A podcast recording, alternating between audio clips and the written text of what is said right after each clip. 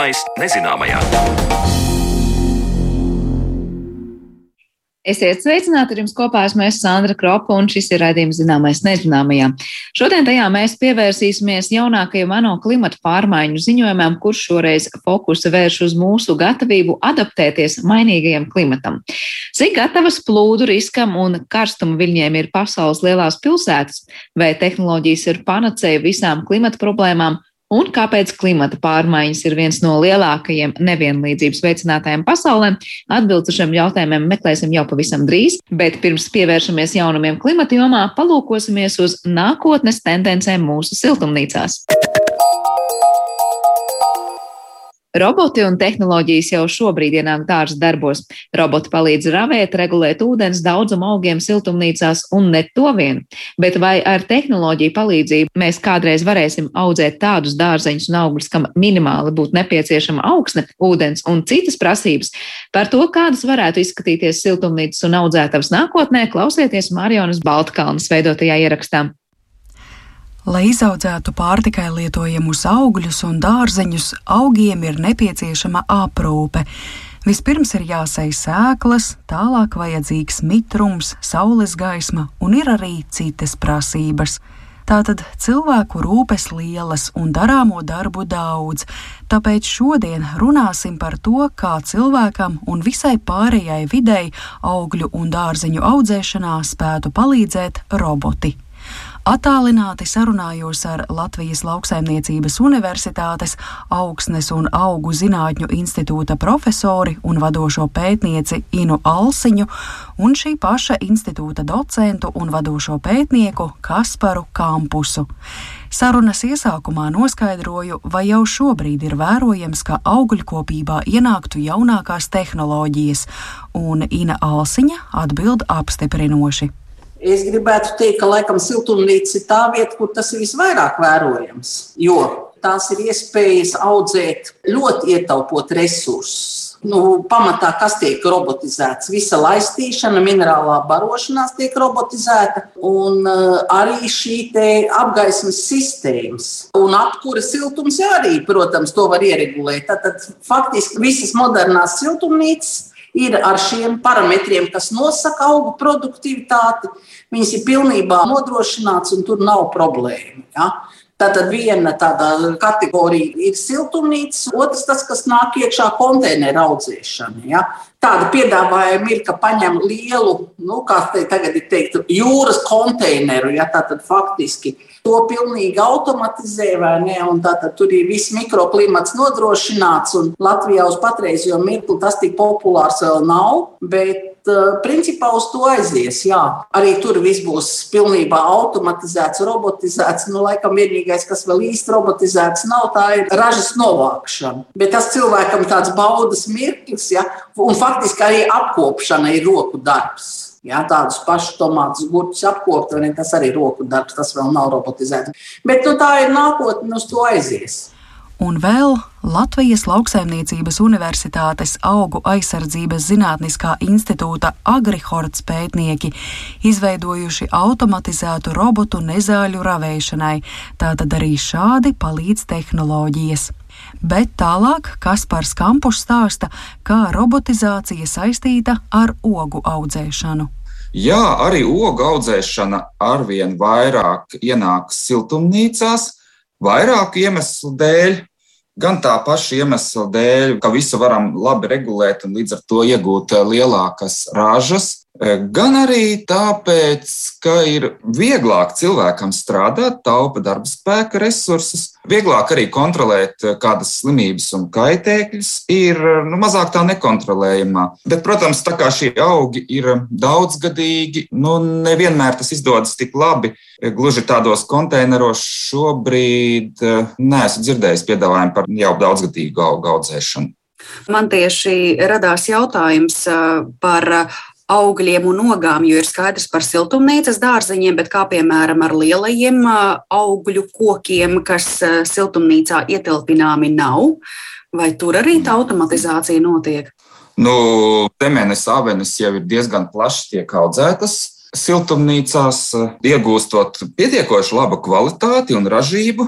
Nu, jautājums ir par izmaksām vienmēr. Vai tas tirgu ir konkurētspējīgs šajā brīdī? Tas vienmēr ir tas jautājums. Principā, kāpēc gan koks nevarētu ietilpināt siltumnīcā? Mēs varam uzbūvēt tādu siltumnīcu, lai viņi tur ietilptu. Atkal jautājums ir par izmaksām un par to, vai tas īsti ir piemērots mūsu koka augu bioloģijai. Botāniskajā dārzā palmas un, un banānus audzē jau desmitiem gadu, un mēs principā varētu ar banāniem sevi apgādāt. Ja vien mēs būtu gatavi maksāt to cenu, un tas būtu nu, no ekonomiskā viedokļa jēdzīgi. Un cik daudz mēs saprotam pārējās lietas, jā, mēs iedodam minerālo barošanos, laistīšanu, temperatūru, gaismu, bet uh, augsnē notiekošie procesi vēl nav līdz galam izpētīti. Un reizēm šīs lietas ir būtiskas auga dzīvē un arī mūsu dzīvē.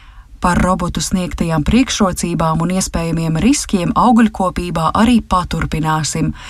Kaspars Kampus līdz šim jau pieminējis, ka tehnoloģijas pasargā augus no slimībām un kaitēkļu izplatības. Šo ideju attīsta arī Ina Alsiņa jo mazāk tur būs saskara ar apkārtējo vidi, ja, jo mazāks iespējas ir arī slimībām un kaitēkļiem izplatīties. Ja. Tā ir viena no lielākām priekšrocībām. Kaut gan atkal ir jāatzīst, ka modernās siltumnīcas ir apgādātas ar pietiekoši labām sistēmām un arī tiem drošības noteikumiem, dezinfekcijas pasākumiem, lai tās slimības un kaitēkļus neievazātu pasargāts ir šīs labi aprīkotās siltumnīcas arī no šī riska. Tas nozīmē, ka tehnoloģija dod to drošības garantu, ko nedotu cilvēks. Jā, galvenais infekciju avots vai ne, tā tad uh, ir šis cilvēks. Ja tu visu esi darījis pietiekoši tīri, jā, tad arī tādām slimībām un kaitēkļiem nevajadzētu būt. Bet, nu, mēs staigājam tur, kur mēs staigājam, ja, nu, diemžēl. Tātad šādas patogēnas var diezgan veikli ienest. Jā, tad viens ir skaidrs, ir pasargātība no slimībām. Droši vien kā vēl vienu tādu plusu mēs varētu minēt, nu, kā ātrāk tiek paveikts darbs, vai ne? Varbūt tik daudz cilvēku resursu nav jāiegulda. Viens robots var paveikt vairāk nekā 5-10 cilvēki, tā varētu teikt. Teorētiski, jā, praktiski šobrīd ir ļoti daudz darba, ko neviens robots nevar paveikt ne tik ātri, ne tik kvalitatīvi kā cilvēks tas ir vesels filozofisks jautājums par tehnoloģijām un cilvēkiem, kuri priekšrocības vienam, tur trūkumi otram. Cilvēks var pielāgoties, redzēt kopsakarības.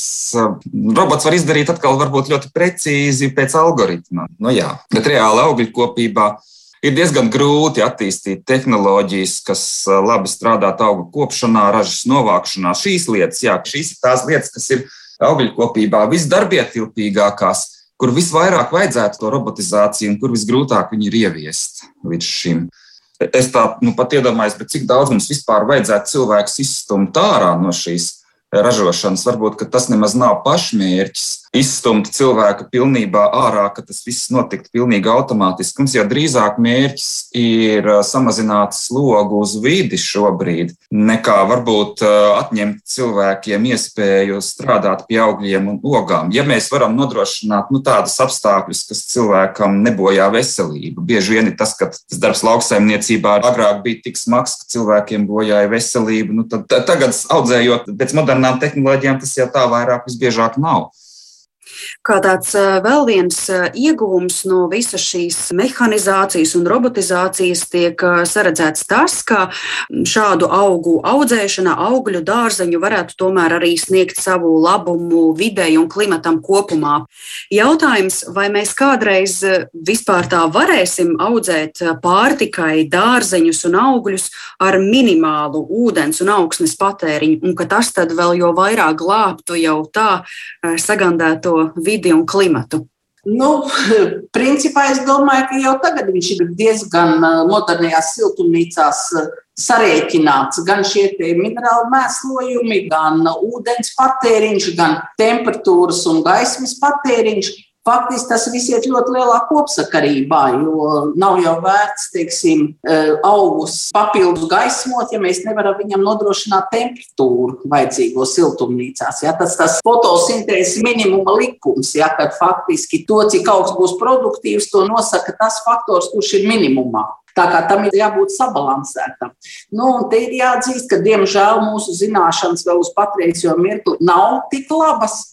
Jo auga prasības mainās viņa dzīves laikā. Mēs tā nevaram izstrādāt konkrētu algoritmu, tagad būs tā un šitā. Ja? Bet tās auga prasības mainās dzīves laikā. Protams, to var uzlabot, pilnveidot. Bet nu, ir tā fizioloģija, kas nosaka šīs auga prasības. Un diez vai tuvākā nākotnē pilnīgi robotizēt visu no sēklas līdz gatavam auglim, vai vēl vairāk tā kā Kaspara gadījumā daudzgadīgiem augiem, diez vai tas tik ātri būs tādas, nu, teiksim, dīkstu, kas skaitās mikrozaļumu. Tā gan ir nākotne, vai ne? Jo tur nav vajadzīgi tik mainīgi apstākļi. Tā kā viss ir atkarīgs no tā, kur audzējam, kā audzējam ko mēs gribam iegūt. Un, uh, diemžēl tādi pārāk vienveidīgi un standarta apstākļi tie parasti veicina lielāku ražu, bet tas produkts, kas nāk ārā, nevienmēr ir tik garšīgs. Jo tie sīkie stresiņi, kas augam ir, tātad tie rada nu, šo sekundāro metabolītu sintēzi, kas ir tie, kas vairāk piedod garšu. Bet arī to var ieprogrammēt. Tagad mēs teiksim, nostresināsim audziņu, lai viņš tur būtu nu, šie augļi garšīgāk, vai viņš pāriet no vienas fāzes uz otru. Ir tādi augi, kuriem, lai viņi pārietu no vegetatīvās augšanas uz ziedēšanu, viņiem vajag kaut kādu noteiktu stresa faktoru. Vai tas ir augstums, vai tas ir sausums un tā tālāk. Bet tas viss ir programmējams. To var izdarīt. Jā, mēs radām tādus ļoti vienveidīgus augus, un mēs zaudējam to augļu unikalitāti, to garšu, vai ne? Un tas ir tas, ko tā robotizācija varētu iedot. Jā, nu to jau mēs redzam, teiksim, pēc tiem tomātiem, kas ir par lētāko cenu nopērkami. Ja, tad tās ir faktiski šķirnes, kas ir veidotas jau šīm mehanizētai tādai nu, siltumnīcas audzēšanai. Ja viņi visi ir skaisti vienveidīgi, viņi visi ir vienāda lieluma, formas ar pabiezu miziņu, lai viņš būtu transportējams, agarša tad nav tāda tomātu tu ēdi, ja, bet tomēr, ja mēs gribam kaut ko tādu izsmalcinātāku, tad mums tomēr kaut kā bišķi savādāk jārīkojas. Citas šķirnes, kas ir prasīgākas, vai mainīt šos audzēšanas apstākļus. Tas, kas par droši vien ir aktuāli arī augļkokiem, ja tur nu bez tādas uh, labas uh, augsnes apgādes, ūdens apgādes, nu diezinu vai tik viegli viss ies uz priekšu, vai ne? Jā, tur ir ļoti daudz visādu faktoru. Mēs nemaz nepieminējām mikorizmu. Tas ir augu sakņu sadarbība ar augsnes mikroorganismiem, bez kā daļa augu vispār nav spējīgi augt. Un tur vēl ir tik daudz neizpētīta, ka vienkārši mēs šobrīd nesam varbūt gatavi tos augus audzēt pilnīgi mākslīgi mākslīgos apstākļos.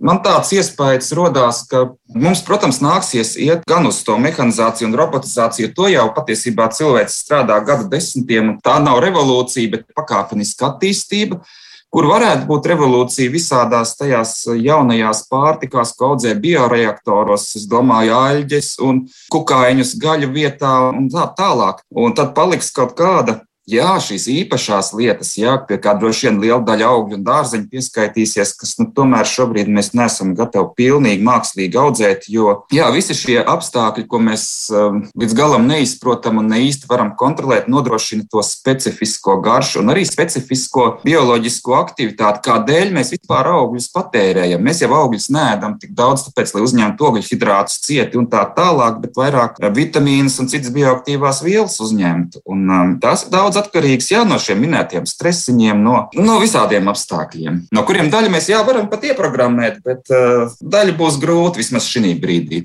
Bet, teiksim, vai jūs, kā pētnieki, vai jums arī nākas saskarties ar tādu lēmumu pieņemšanas procesu, kā tad mēs šīs tehnoloģijas veidojam par labu ātrākai darba izpildē, par labu klimata saglabāšanai, vai tomēr par labu tam, ka mums beigās ir unikāli produkti, augļi ar smaržu, garšu, vai jūs šādās krustcelēs reizēm nonākat? Nu, diemžēl uz patreizējo mirkli vairāk ir tas, kā tu dabūsi iespējami ātrāk, vairāk vairāk šo produkciju. Nevar teikt, ka kvalitāte nav, bet uz patreizējo mirkli arī patērētājiem šī garša smarža veikalā nav tas izšķirošais faktors, kāpēc viņš šo produktu pērk. Bet turpinot to Kaspara domu, principā jau ir atstrādāts pietiekoši daudz metodikas, kā augus audzēt. Nu, piemēram, tās pašas ogu garšu un visu pārējo, tad, tad faktiski to var izaudzēt arī mēģinē. Bet vai mēs to gribam? Ja, kad man būs tāds kokteilītis, es viņu pakratīšu, vai neteiksim šo te krūmu, meleņu, šūnu kultūru, vai ne, ko es varētu bez tās ogas. Ja? Tāda tehnoloģija jau ir, to jau var saražot, bet vai mēs uz to esam gatavi, vai ne? Ka ķirša vietā es ķiršu šūnu tableti ieņemu, vai ne? Diez vai mēs uz to parakstītos. Bet varētu to var, jā, protams. Jā. Tik tālu par to, vai jau drīz varēsim audzēt pārtiku ar minimāliem dabas resursiem, bet raidījuma turpinājumā pievēršamies tam, kādi resursi šobrīd jāmeklē, lai klimata pārmaiņas jau tuvā nākotnē mūs nepārsteigtu un nesagatavotus.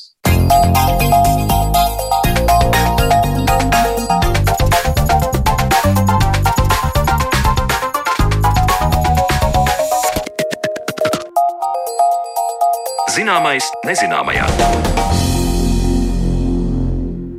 Nu jau mitējušies strīdi par to, vai klimata pārmaiņas notiek. Tāpat arī zinātnieki jau daudzas desmitgades norāda uz cilvēku ietekmi šajā procesā, taču ar vienu aktuālāks kļūst jautājums, vai šīs izmaiņas var apturēt, patīt atpakaļ, iesaldēt un, ja ne, kā pielāgoties.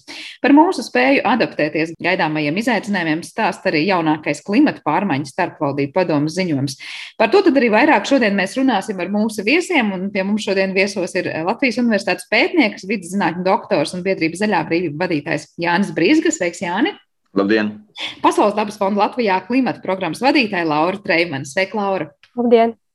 Sāksim laikam ar pašu galveno jautājumu par to, ko tad vēsta jaunākais šis IPCC ziņojums, ko tikko jau arī piesaucu. Laura, varbūt es sākšu ar tevi, un tad droši vien došu vārdu Jānim arī papildināt tevis teikto. Um, jā, es domāju, ka jāsāk ar pamatiem, jeb kas ir klimata pārmaiņas starpvaldību padomju, jeb šis te uh, IPCC, ko jūs minējāt, tad tā ir ANO apvienoto nāciju organizācijas institūcija, kas novērtē ar klimata pārmaiņām saistīto zinātni un attiecīgi arī sniedz ieteikumus politiķiem un valstu valdībām, kā tad cīnīties ar klimata pārmaiņām, kā pielāgoties, kādi ir tās ietekmes un riski. Un, protams, piedāvā arī scenārijus un seku mazināšanas stratēģijas. Un šis jaunākais ziņojums, um, klimata pārmaiņas uh, ietekme, pielāgošanās un nesargātība, ir otrā no četrām uh, IPCC sestā novērtējuma ziņojuma daļām. Attiecīgi tas nozīmē to, ka pirmais šāda veida ziņojums iznāca pagājušā gadā, uh, klimata pārmaiņu fizikālā zinātne, Tad ir šis otrais ziņojums, kas lūkojas vairāk uz pielāgošanos klimata pārmaiņām, un trešais ziņojums tiks publicēts aprīlī. Trešais ziņojums būs par klimata pārmaiņu mazināšanu. Pareizi saprotu, ka patiesībā tam mazināšanas un pielāgošanās precīzāk scenārijiem pirmo reizi tik plaši šis ziņojums tiek veltīts. Jā, tieši tā. Ziņojums pats ir ļoti, ļoti apjomīgs, vairāk nekā 3500 lapas puses. Pirmo reizi tik milzīgs, apjomīgs pētījums, pētījumu kopums, kas aplūko tieši uz pielāgošanās procesiem, iespējām un riskiem. Un tad tas galvenais, būtiskākais ziņojuma secinājums ir tāds, ka klimata pārmaiņu ātrums un ietekmes strauji palielinās. Un šobrīd tās ietekmes pārspēja pašreizējos adaptācijas pasākumus, kurus mēs īstenojam. Un, attiecīgi, tad, tā ir tā kolīzija, kas rada sekas. Un uh, ziņojumā uzsvērts robežas tam, cik ļoti vispār mēs kā cilvēci varam pielāgoties klimata pārmaiņām, jo ir skaidrs, ka klimata pārmaiņas uh, šobrīd notiek. Tas ir ilgtermiņa process, un mēs nevaram pilnībā kompensēt uh, klimata pārmaiņu sekas ar adapte, adaptējošiem pasākumiem. Un, nu, principā, ja tā nāktos summēt, par ko tas ir, tad šis ziņojums piedāvā detalizētu izpratni par to, kā klimata pārmaiņas ietekmē konkrētus pasaules reģionus. Un tad šī reģionālā perspektīva arī mums ļauj izprast, kā turpmākajos gados tiks ietekmētas mūsu pilsētas, mūsu darbs un mūsu vispār ikdienas dzīve. Par pilsētām droši vien mēs atsevišķi šodien nedaudz parunāsim, jo ilgu laiku mēs uzskatījām, ka pilsētas ir nu, tas ļoti veicinošais faktors tam, kas notiek ar klimatu pārmaiņām. Tajā pašā laikā pēdējos gados daudz tiek runāts par to, ka iespējams tieši pilsētas ir tās, kas palīdzētu pielāgoties daudz labāk visiem šiem procesiem. Bet, Jā, es tev gribētu dot vārdu arī no šīs perspektīvas, ko Laura tikko minēja. Tad, tad es saprotu, ka klimata pārmaiņas notiek straujāk nekā mēs spējām tam pielāgoties, bet liekas, nu nekas jauns par to gadiem laikam tiek runāts. Vai tu ieraudzīji šajā ziņojumā šoreiz kaut ko atšķirīgu? Jā, nu, eh, ziņojumā, protams, ir apkopoti jaunākie dati, jaunākā informācija, jaunākās um, nu, arī politikas iniciatīvas apskatītas, ko valsts jau ir īstenojuši. Jo lielākā daļa pasaules valstu patiesībā jau ir uzsākušas dažādas pasākumus um, pielāgošanās um, veicināšanai. Un, un, uh, un tas, tas, tas varbūt ir tas pozitīvais, kas šajā ziņojumā arī tiek uzsvērts. Tajā pašā laikā pētnieki arī norāda uz to, ka šie pasākumi ir pārāk nepietiekami, varbūt fragmentēti un uh, ne, nepietiekami mūs sagatavo uh, šai um, mainīgajam klimata, klimata situācijai.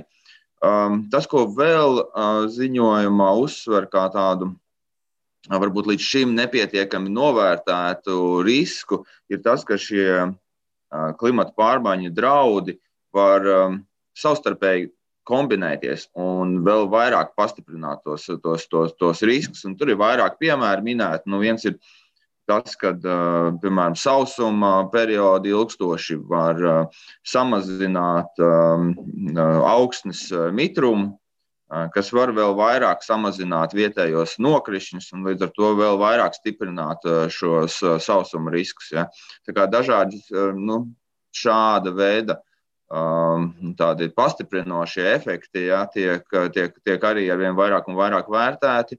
Vēl es ievēroju, ka zinātnieki arī uzsver to, ka um, tie draudi, kas ir pārsvarā saistīti ar ekstremāliem laikapstākļiem, ilgiem sausuma periodiem vai straujām, straujām nu, lietusgāzēm, nokrišņiem, ir izrādījušies intensīvāk nekā līdz šim pētnieki bija vērtējuši un, un, un domājuši. Un arī tiek uzskatīts, ka nākotnē nu, pie dažādiem šiem temperatūras scenārijiem šie draudi varētu būt tiešām, tiešām milzīgi. Un tas uzskats, kas līdz šim varbūt ir bijis, kad nu, mēs emisijas mēs samazināt nevaram, varbūt tad pielāgosimies. Nu, šāda veida pieeja visdrīzāk nestrādās, jo mums vienkārši nav tik daudz resursu, tik daudz līdzekļu, lai mēs varētu turpināt mainīt klimatu un uh, vienkārši ieguldīt šajā pielāgošanos pasākumos. Mums vienkārši pietrūks, pietrūks resursu cīnīties visdažādākajās frontēs. Nu, gan uh, cīnīties ar uh, jūras līmeņa kāpšanu, ar uh, augošajām temperatūrām, ar uh, nokrišņu izmaiņām.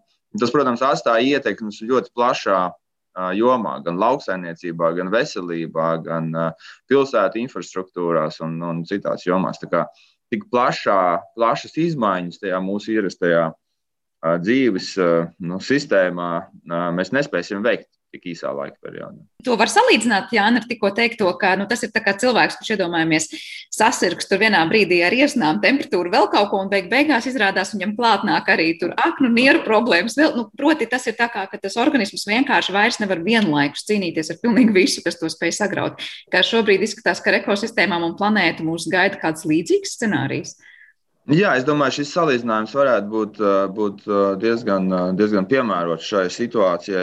Protams, tas laika nogrieziens ir cits. Nu, mēs runājam par 50. gadu, par 100. gadu, vai ne, tās klimata pārmaiņas varētu būt visizteiktākās, visaktuālākās, bet skaidrs, ka arī šīm dabas procesiem, dabas sistēmām ir liela inerce. Un, ja mēs arī kaut ko izmainām šodien, mēs samazinām tās emisijas šodien, tad šie dabas procesi vēl ilgtermiņā mēģinās atkopties no šī visa. Kā, mums ir jāpaskatās varbūt līdzīgā alegorijā, kā tu minēji, bet tādā citā laika griezumā. Tas ir kā tāds liels kuģis, kas, kas iet.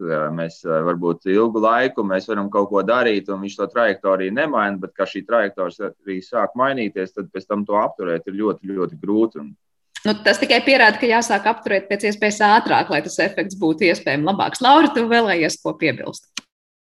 Uh, jā, tā kā šis ziņojums aplūko visus pasaules reģionus, tā pietiekami detalizēti, bet vēlos atkal uzsvērt uz mūsu kā Eiropas sastāvdaļu, ka Eiropā tie riski ir nedaudz citādāki kā citās pasaules valstīs, bet nu, tomēr uh, ir redzamas, uh, lasāmas ļoti negatīvas ietekmes, tie riski cilvēkiem, ekonomikai un infrastruktūrai, it īpaši piekrastes un iekšzemes plūdu dēļ. Tāpat tie riski attiecas arī uz cilvēku gan fizisko, gan mentālo veselību, respektīvi paaugstināts stress un cilvēku mirstība pieaugušās temperatūras un karstuma dēļ. Uh, Tāpat arī ūdens trūkums, tā skaitā arī Eiropā vairākiem savstarpēji saistītiem sektoriem, kā arī lauksēmniecības ražas samazināšanās, karstuma un sausuma mīja darbības un arī šo Jāņa minēto katastrofālo laikapstākļu ietekmē, kā tie būtu tie būtiskākie riski un ietekmes tieši Eiropā. Nu, izklausās, ka tiešām, nu, lai nu ko, bet nu, kādu no šiem ietekmēm noteikti katrs varēsim izjust uz savas ādas, vai tā būtu lauksaimniecība vai veselības riski, vai tā ir Eiropa vai cits reģions, pavisam noteikti. Jūs šobrīd tā minējāt par to, ka šajā ziņojumā mēs dzirdam par šiem konkrētiem riskiem, konkrētiem pētījumiem un faktiem, kas to apliecina. Kā ir ar konkrētu pielāgošanās mehānismu izvērtējumu? Vai var teikt, ka mēs tagad varam saklausīt kādas dzirdīgas hauses tajā, kurš saka, tas pielāgošanās mehānisms solās būt labs, un tas solās būt slikts, vai varbūt nu, tāds riskants, ja tā varētu vienkāršot. Jāni, kā tev liekas? Jā, viss šī klimata pārmaiņu pielāgošanās uh, politika balstās tādā, tādā konceptā kā resiliencija, tāda spēja, noturība, spēja uh, pielāgoties apstākļu mainībai. Šī noturība bieži vien ir atkarība, atkarīga no tā, cik daudzveidīgas ir tās mūsu rīcības un sistēmas, kādās mēs dzīvojam, kādas ir tā um, nu, komunikācijas starp dažādiem elementiem un tā tālāk. Tas vairāk varbūt tā teorētiski sakne. Es nezinu, praktiski tas varētu būt piemērs par, um, par, par intensīvo lauksaimniecību, industriālo lauksaimniecību, ja, kur mums ir lielās platībās uh, viens kultūra augs, kas aug. Līdz ar to šāda veida sistēma ir ļoti jūtīga, ļoti vārīga šādiem mainīgiem laikapstākļiem. Jo var parādīties kāda slimība, kāds kaitēklis, ja, kas tur ļoti strauji, ļoti plašā teritorijā var izplatīties un iznīcināt visu ražu. Ja. Tas, ko piedāvā un par ko parasti runā, tad klimata pielāgošanās, adaptācijas pasākumos, ja mums ir jāveido šīs sistēmas daudz Mēs dzīvojam tādā neskaidrības, nezināšanas laikmetā. Līdz ar to mums ir jābūt gataviem uz dažādiem scenārijiem, dažādiem risinājumiem. Un arī mūsu rīcībai ir jābūt balstītai tādās, nu, jābūt tādai, kas, ir, kas piedāvā dažādas šīs iespējas. Ja? Tad tā lauksainiecības izpratne būtu tāda, ka mums jāstāda dažādi kultūra augi, kas būtu Uh, varbūt samazināt to risku, kad mums nākamajā gadā sausuma dēļ visa raža pazudīs. Mums būs viens kultūra augs vai kaut kāds, nu, arī tā ģenētika sēklām, ja būs dažāda. Līdz ar to kāds kultūra augs varbūt mazāk ražos šajā gadā, bet cits ražos savukārt normāli. Mēs nodrošināsim kaut kādu to minimālo bāzi. Līdzšinējie šie centieni maksimāli palielināt efektivitāti visādās jomās patiesībā ir samazinājusi mūsu noturību pret šiem mainīgiem klimata apstākļiem. Ja mēs tās uh, lauksaimniecības, enerģētikas sistēmas, transporta sistēmas, visu kaut ko citu esam padarījuši ļoti at, nu, trauslas un ļoti jūtīgas pret visdažādākajām izmaiņām. Ja. Un mums jāiet prom no tā. Un tas, protams, prasa tādas fundamentālas pārmaiņas visdažādākajās dzīves jomās. Tas arī par to arī šis ziņojums arī diezgan daudz runāja. Ka mums tie pasākumi līdz šim ir bijuši kaut kādā veidā nedaudz pielabot tās esošās sistēmas, kādas viņas ir Bet, ja mēs gribam būt gatavi šim mainīgajam klimatam, tad mums principā ir radikāli jāmaina tas, kā mēs, kādās mājās mēs dzīvojam, jā, kā mēs audz, audzējam pārtiku un uh, kāda ir mūsu meža un tā tālāk. Tā kā, um, nu, viņš, man liekas, ka uh, šis ziņojums ir viens no tādiem, nu, tādiem radikālākajiem, varbūt tajā, tajā pārmaiņu līmenī, kas, uh, kas mūs sagaida, ar kur mums jābūt, jābūt gataviem. Bet, ja tas ziņojums ir tik radikāls, vai tas arī nozīmē, ka tā pretestība no nu, konkrētu sektoru puses varētu šoreiz būt lielāka? Es iedomājos, nu, kāds lauksaimnieks, kuram ir varbūt intensīvākā lauksaimniecības kultūra, tad viena audzēta pateiks, es taču nevarēšu tagad sākt audzēt no visa pa druskai, un es tagad taču esmu orientēts uz kādu konkrētu kultūru, un, un cik tas ir reāli iespējams, vai tas sadārdzinās atkal tā lauksaimnieka, nezinu, to, to, to, to veidu, kādā viņš iegūst produkciju. Kā, kā izskatās, ar kādu reakciju tiek uztverts šīs idejas pašā nu, dažādos sektoros? Nu, jā, lauksaimniecība, protams, ir tāds, tāds smags, smags temats, arī meža saimniecība, arī īpaši Latvijā arī varbūt. Un, bet arī kopumā, jau no Eiropā mēs jau nu, gadu, vairākas dekādas jau runājam par to, ka ir jāmaina lauksaimniecības kopējā politika. Un, uh, Um, kaut kas mainās, bet ļoti lēni. Protams, nu, šādas, šādas lietas arī uh, prasa diezgan ilgu laiku, lai mēs panāktu kaut kādas radikālas izmaiņas. Un arī tās izmaiņas, kas līdz šim ir bijušas lauksaimniecības politikā saistībā ar nu, lauksaimniecības zaļināšanu, ir bijušas tādas marģinālas lielā mērā. Nu, atstājot, nu, atstājot kādu koku mežā, ja mēs mēģinām uh, izglābt uh, visu ekosistēmu. Uh, Bet nu, jā, šis ziņojums tomēr runā par to, ka nu, nepietiek tikai ar šīm mazajām lietiņām, ko mēs ik pa brīdim kaut kur izdarām, kad mums ir sistemātiski jāpārdomā šīs lietas. Un, protams, tas šādas sistēmiskas pārmaiņas nu, rada pretestību, jo tas maina šos varbūt varas kausus par labu nu, vienam vai otram spēlētājam, kas tur ir. Un, uh, Tāpat mūsu lauksaimniecība ir ļoti atkarīga no fosiliem energoresursiem, kas, kas arī nu, ir skaidrs, ka nu, ne, ne tikai runājot par militāro konfliktu, kas ir, kas ir mums tepat blakus. Ja, Visādās citādās ziņās mums ir jās, jās, jāsaprot, kā mēs tiksim prom no šīs ļoti energoietilpīgās lauksaimniecības, gan pesticīdu ziņā, gan lauksaimniecības mašinērijas ziņā. Ja. Tā kā Tā kā darāmā ir daudz. Tie jautājumi ļoti daudz tiešām. Uh, Laura, vai būs vēl kāds piemērs varbūt šiem pielāgošanās mehānismiem, piem, vai jā, adaptācijas mehānismiem, uh, ko vēl līdzās Jāņa teiktiem vēlēs izcelt? Uh, jā, vēl runājot par tām nozarēm, manuprāt, nozare, kur uh, tiks arī ietekmēta uh, būtiski un jau šobrīd tiek ietekmēta patiesībā ir apdrošināšanas nozare. Uh, ņemot vērā to, ka pieaug šie riski, pieaug ietekmes, tad arī um, būs uh, iespējams uh, grūtāk tikt pie šīm kompensācijām klimata pārmaiņu ietekmē, it īpaši lauksēmniecībā. Um, Vēl kādi piemēri uh, varētu būt ne tikai lauksēmniecība, bet arī zivsēmniecība. konkrēti zivju slāpšana, jeb kad skābekļa līmenis ūdenī samazinās. Tas nozīmē to, ka attiecīgi šīm zivīm ir grūtāk dzīvot, un tad attiecīgi viņas arī grūtāk izaudzēt. Uh, Kādi tur ir tie adaptācijas mehānismi, kas būtu paredzēti, lai mazinātu šo risku? Es domāju, ka nu, pirmkārt jau te ir arī jautājums par to, cik eitrofa ir ūdens vide, jo eitrofikācija arī samazina skābekļa daudzumu ūdenī. Um, noteikti ir kaut kādas tehnoloģijas arī, kas ļauj palielināt skābekļa daudzumu ūdenī. Um, bet uh, vienu piemēru skatījos konkrēti, kad zivsēmniecībās, uh, slēgtā tipa zivsēmniecībās, arī nokrišņu dēļ, um, pieaugot no, nokrišņiem, mēdz pārplūst zivju dīķi. Un tad tās zivis attiecīgi var nokļūt uh, citās ūdens tilpēs. Un tad uh, nu, viens no tādiem risinājumiem varētu būt veidot uh, šīs ūdens tilpes zivju dīķus uh, vai nu dziļākus, vai kaut kā norobežot no apkārtējās vidas ar vien vairāk. Un tas tāds piemērs. Uh, vēl viens piemērs, bet laikam mēs par to runāsim nedaudz vēlāk, tieši par to slikto, jeb uh, nepietiekamo, jeb kā to latviskot, maladaptation, uh, ir tāds uh, Fidži uh, arī pieaug ūdens līmenis, uh, un ja ir mājas tūs atceltas uh, kodai jūrai vai, uh, vai okeānam, tad ir skaidrs, ka tas viss ūdens nāk klāt arī dzīvojamām zonām.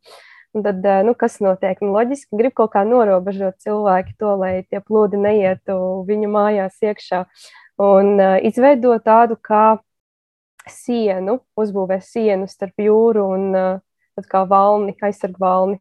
Bet nu, arī um, citā vietā tas varbūt strādā, bet atkal citā vietā nestrādā. Jo šajā gadījumā, uh, lai arī šis valnis tika uzbūvēts, uh, tie papildu nokrišņi, kas uh, lija šajās te dzīvojamās teritorijās, tie nokrišņi atkal nespēja noticēt uz to jūru, uz to okeānu. Un, attiecīgi, tas ir atkal tā negatīvā ietekme, kas rodas no it kā pozitīva pielāgošanās pasākuma, bet nu, tad, tad jāskatās tā kompleksi un detalizēti.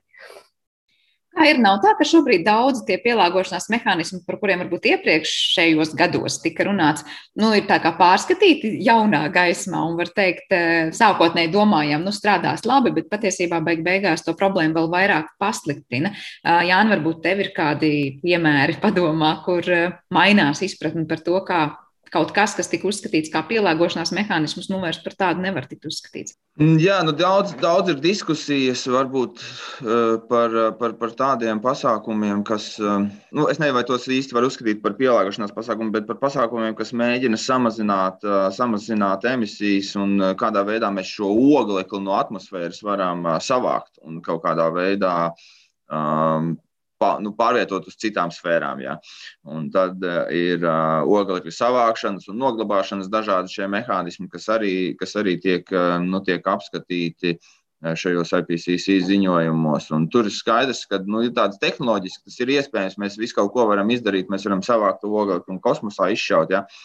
Bet vai tas, vai tas tiešām ir labākais, kur mums vajag ieguldīt pašreiz laiku un, un resursus?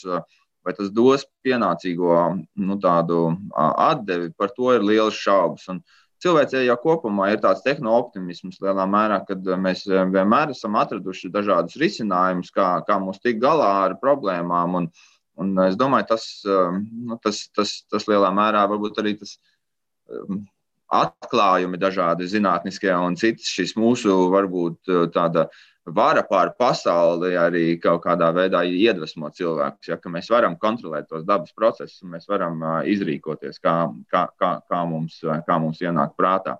Bet uh, šajā gadījumā attiecībā uz klimatu pārmaiņu mazināšanu ar vien lielākas un lielākas šaubas ir par to, vai šie pasākumi būs pietiekami. Un galvenais varbūt arī tas, vai mums, vai mums nenovirzās uzmanība un, un tie finanšu līdzekļi, kas, tiek, kas varētu būt izmantoti emisiju samazināšanā vai pielāgošanās pasākumos uz tādām lietām, kas, kas varbūt nenesīs pietiekamo. Nu, kas nav pārbaudīts, kas nav īsti skaidrs zināms. Ja, mums, mums ir do, ļoti daudz pasākumu, mums ir diezgan liela skaidrība, kas jādara. Tā, tāpat ir arī arvien vairāk un vairāk tiek runāts un spriests, un varbūt ir dažādas neskaidrības par to, kā oglekli varētu labāk uzkrāt gan lauksaimniecībā, gan mežsaimniecībā. Un tur arī ir daudz strīdu un daudz. Um, Respektīvi, katrs mēģina to izmantot kaut kādās savās interesēs. Mežsaimnieki ar šīm tehnoloģijām mēģina pamatot to, ka viņi var nu, rīkoties mežā tāpat, kā viņi ir rīkojušies pēdējos simts gados. Uh, Un, un citi, citi, citi atkal zinātnieki saka par to, ka mums ir jāmaina veids, kā, kā mēs saimniekojam mežos un lauksaimniecībā. Tā kā šeit noteikti tās diskusijas vēl ilgi būs. Arī tas pats, kas notiek ar purviem, ko, ko mums ar purviem dar, darīt. Ja, jo purvi ir liels tāds nu, ogļu sūklis, tā var teikt. Ja. Un tur būtu svarīgi šo ogli saglabāt, lai viņš nenonāk, nenonāk atmosfērā. Tā tās ir tās lietas, par ko varbūt ir tādas lielākās lielākā spriešana un, uh, un diskusijas.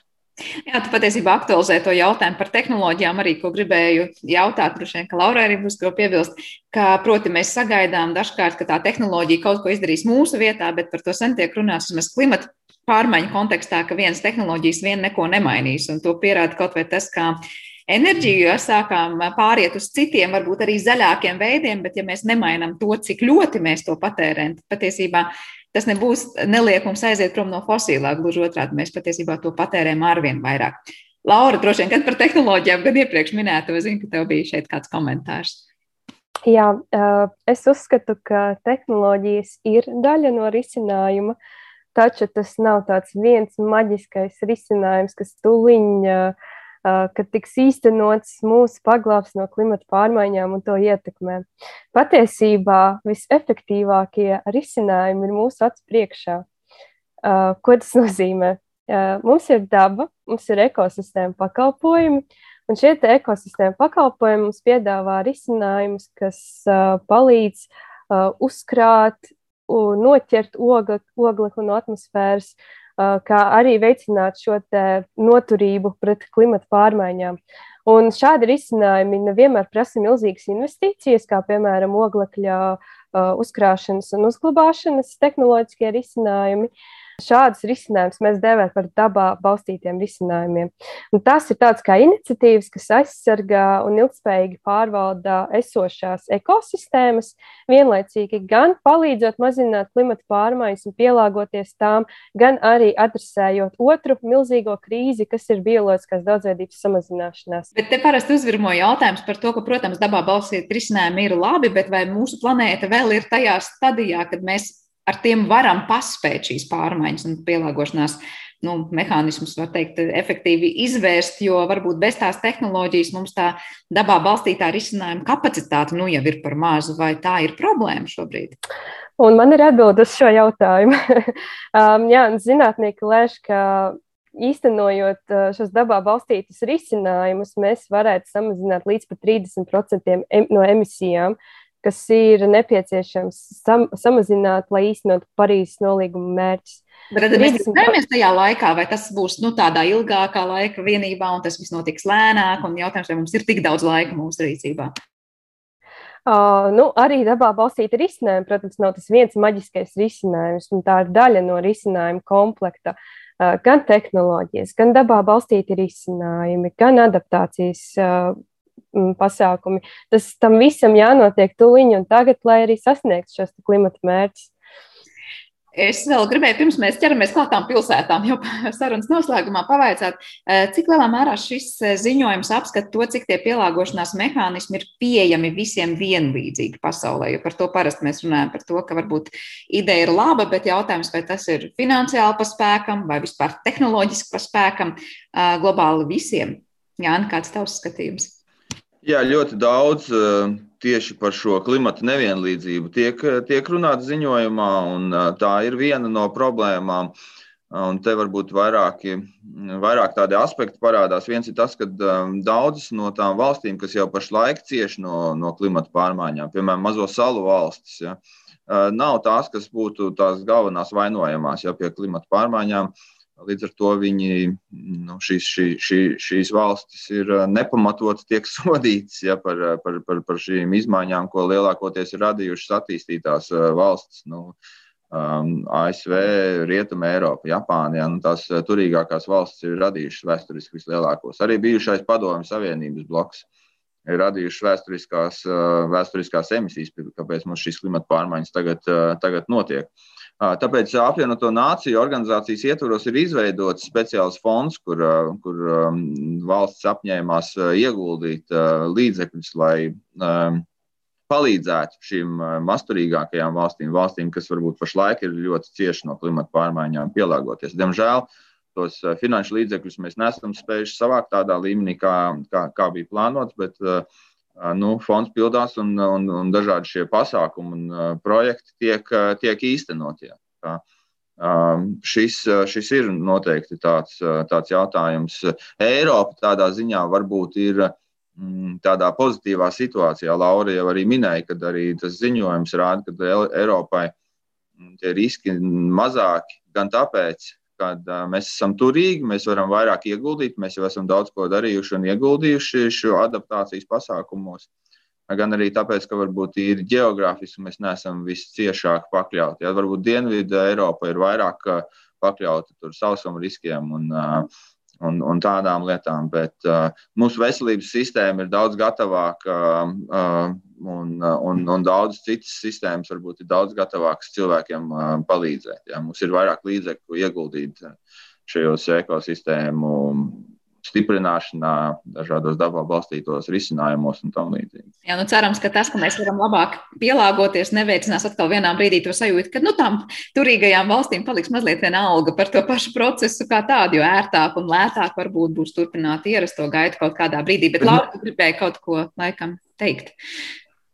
Um, jā, Jānis minēja pielāgošanās fondu, bet uh, šogad, kā jau katru gadu, notiks arī klimata pārmaiņu konference COP27, un tur tas viens no galvenajiem mērķiem būs arī izvirzīt globālu pielāgošanās mērķi tā, lai visas valstis vienotos un, un sadalītu šīs atbildības, lai valstis, kuras tiek skartas vairāk, saņemtu pietiekamu palīdzību klimata pārmaiņām, ietekmējot vairāk.